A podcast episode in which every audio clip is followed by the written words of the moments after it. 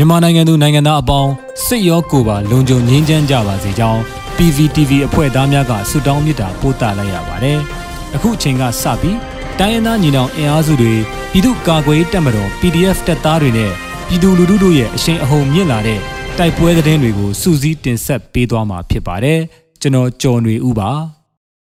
ပထမဆုံးအနေနဲ့ကနီမှာရှေ့ပြေးစစ်ကောင်စီတပ်ဖွဲ့ဝင်3ဦးမိုင်းဆွဲတိုက်ခတ်ခံရမှုကြောင့်တေဆုံးခဲ့ပြီးငွေကျပ်300တန်ဖိုးရှိတစ်ခိုးထုတ်မှုများကိုကနီ PDF ကဖမ်းဆီးရမိတဲ့တဲ့ရင်ကိုတင်ဆက်မှာပါ။စကိုင်းတိုင်းကနီမြို့နယ်မှာနိုဝင်ဘာလ30ရက်နေ့မွန်းလွဲ2နာရီအချိန်ရှေ့ပြေးအဖြစ်လာတဲ့စစ်သား3ဦးကို KLG PDF ကနီကနတ်ကြီးရွာနဲ့ချောင်းဝကြီးရွာကြားမှာမိုင်းဆွဲတိုက်ခိုက်ရာစစ်သား3ဦးတေဆုံးသွားကြောင်း KLG PDF ကနီကပြောပါတယ်။ စစ်သား3ဦးလုံးတေဆုံးသွားချိန်လက်နက်များကောက်ယူရန်စ조사တော်လဲနောက်မှတက်လာတဲ့စစ်ကောင်စီတပ်များကြောင့်လက်နက်များကောက်ယူနိုင်ခြင်းမရှိကြောင်း KLG PDF ကနီကဆိုပါတယ်။အလားတူကနီမြို့နယ်မှာတရားဥပဒေစိုးမိုးရေးအတွက်ကနီ People's Defense Force KPDF 1ကဆောင်ရွက်လျက်ရှိပြီးတစ်ခိုးထုတ်တဲ့တစ်တင်ကား၄စီးတစ်တန်30ကျော်ကာလတန်ဖိုးအဖြစ်သိန်းနေရဘိုးကဖမ်းဆီးအရေးယူခဲ့ကြောင်းကနီ People's Defense Force KPDF 1ကထုတ်ပြန်ခဲ့ပါတယ်။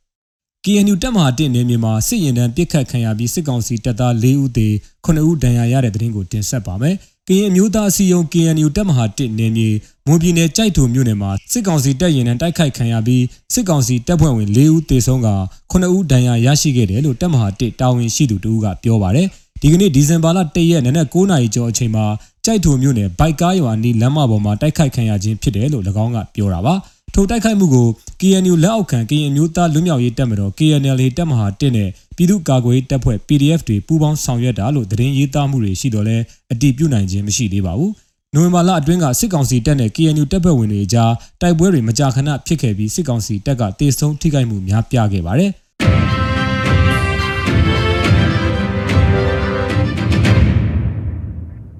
ဆက်လက်ပြီး တမူးမှာလစာထုတ်ရန်လာတဲ့စစ်ကောင်စီတပ်သားတို့တိုက်ခိုက်ခံရတဲ့တဲ့ရင်ကိုတင်ဆက်ပါမယ်။စကိုင်းတိုင်းတမူးမြို့နယ်မှာလစာထုတ်ရန်လာတဲ့စစ်ကောင်စီတပ်ဖွဲ့ဝင်တချို့ကိုတမူးပြည်သူ့ကာကွယ်ရေးတပ်ကယနေ့ချုံကိုတိုက်ခိုက်ရာတအူးတေဆုံးကြောင်းသိရှိရပါတယ်။နိုဝင်ဘာလ30ရက်နေ့ညနေ4:40မိနစ်အချိန်စကိုင်းတိုင်းဒေသကြီးတမူးခရိုင်တမူးမြို့နယ်မြို့သစ်မှာအကြမ်းဖက်စစ်ကောင်စီတပ်ဖွဲ့ဝင်2ဦးလိုက်ပါလာတဲ့ 5J 5275နံပါတ်ပါ CRV အမျိုးအစားခဲရောင်ကားဟာတမူးမျိုးမှာလစာငွေများထုတ်ယူပြီးပြန်လာ ပြည်သူ့ကာကွယ်ရေးတပ်ဖွဲ့တမူးမျိုးတပ်ရင်းတစ်က Gorkha Defense Force GDF တပ်စိတ်တစိတ်အပါအဝင်တပ်စိတ်နှစ်စိတ်ကတမူးကွန်တောင်လမ်းပိုင်းကြားမှာသုံးဘွဲ့ခွဲ၍စောင့်ကြိုတိုက်ခိုက်ခဲ့တယ်လို့ဆိုပါတယ်။ရင်းသူချုံကိုတိုက်ခိုက်မှုကြောင့်အကြမ်းဖက်စစ်ကောင်စီဘက်ကရဲတပ်ချက်ဇော်မင်းထွန်းရဲ့ဇနီးဖြစ်သူမှာတေဆုံးသွားပြီးရဲတပ်ချက်ဇော်မင်းထွန်းနဲ့စစ်ကောင်စီတပ်ဖွဲ့ဝင်တအူးမှာကြည်ထိမှန်၍ထိခိုက်ဒဏ်ရာများရရှိသွားကထွက်ပြေးသွားကြကြောင်းသိရှိရပါတယ်။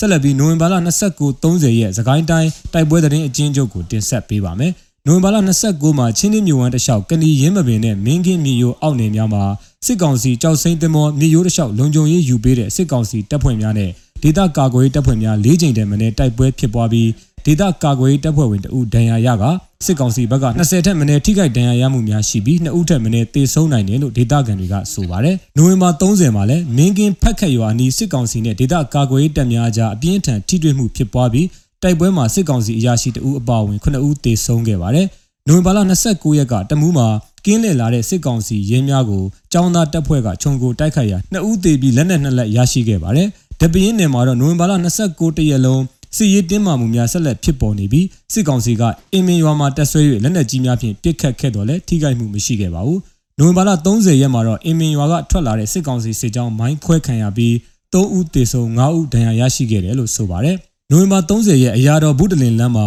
စစ်ကောင်စီကားတစ်စင်းမိုင်းဆွဲခံရပြီး3ဦးဒဏ်ရာအပြင်းထန်ရခဲ့ပါတယ်။